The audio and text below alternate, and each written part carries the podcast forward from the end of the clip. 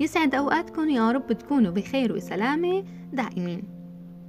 اليوم حكايتي حكاية أشخاص بنشوفهم كل يوم ولكل واحد قصة.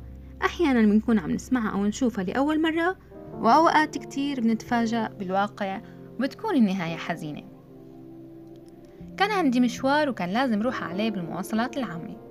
فطلعت بمواصلة وكالعادة بس نطلع نطلع على الناس حوالينا بنظرات خاطفة. وأحيانا بندقر شوي عند بعض وحكاية اليوم هي حكاية وجوه.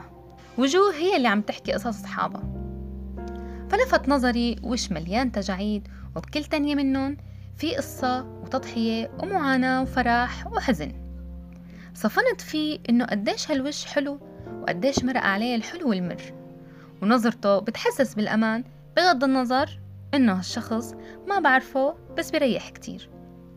وشفت أكتر من وش صافن وسارح وما في ولا حاجز بيوقف بطريقه.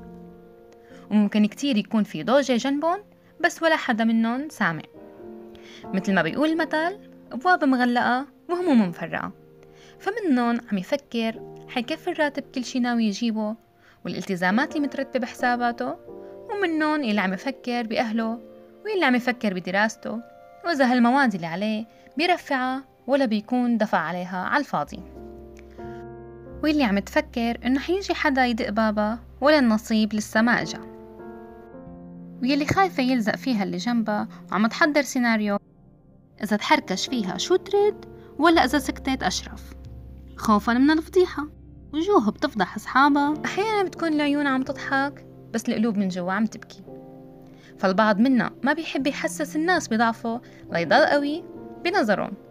ويهرب من نظرة الشفقة والبعض الآخر كنوع من الثقة الزايدة بيخبي ضعفه والغالبية العظمى بيباين عليهم وحتى لو ما حكوا.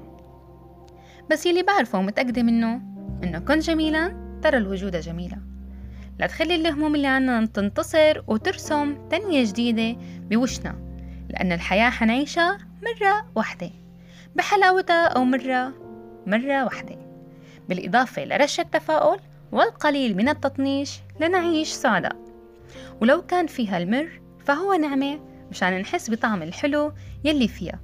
تضلوا دايما بخير ونحن أمانة عند حالنا فلازم ندير بالنا.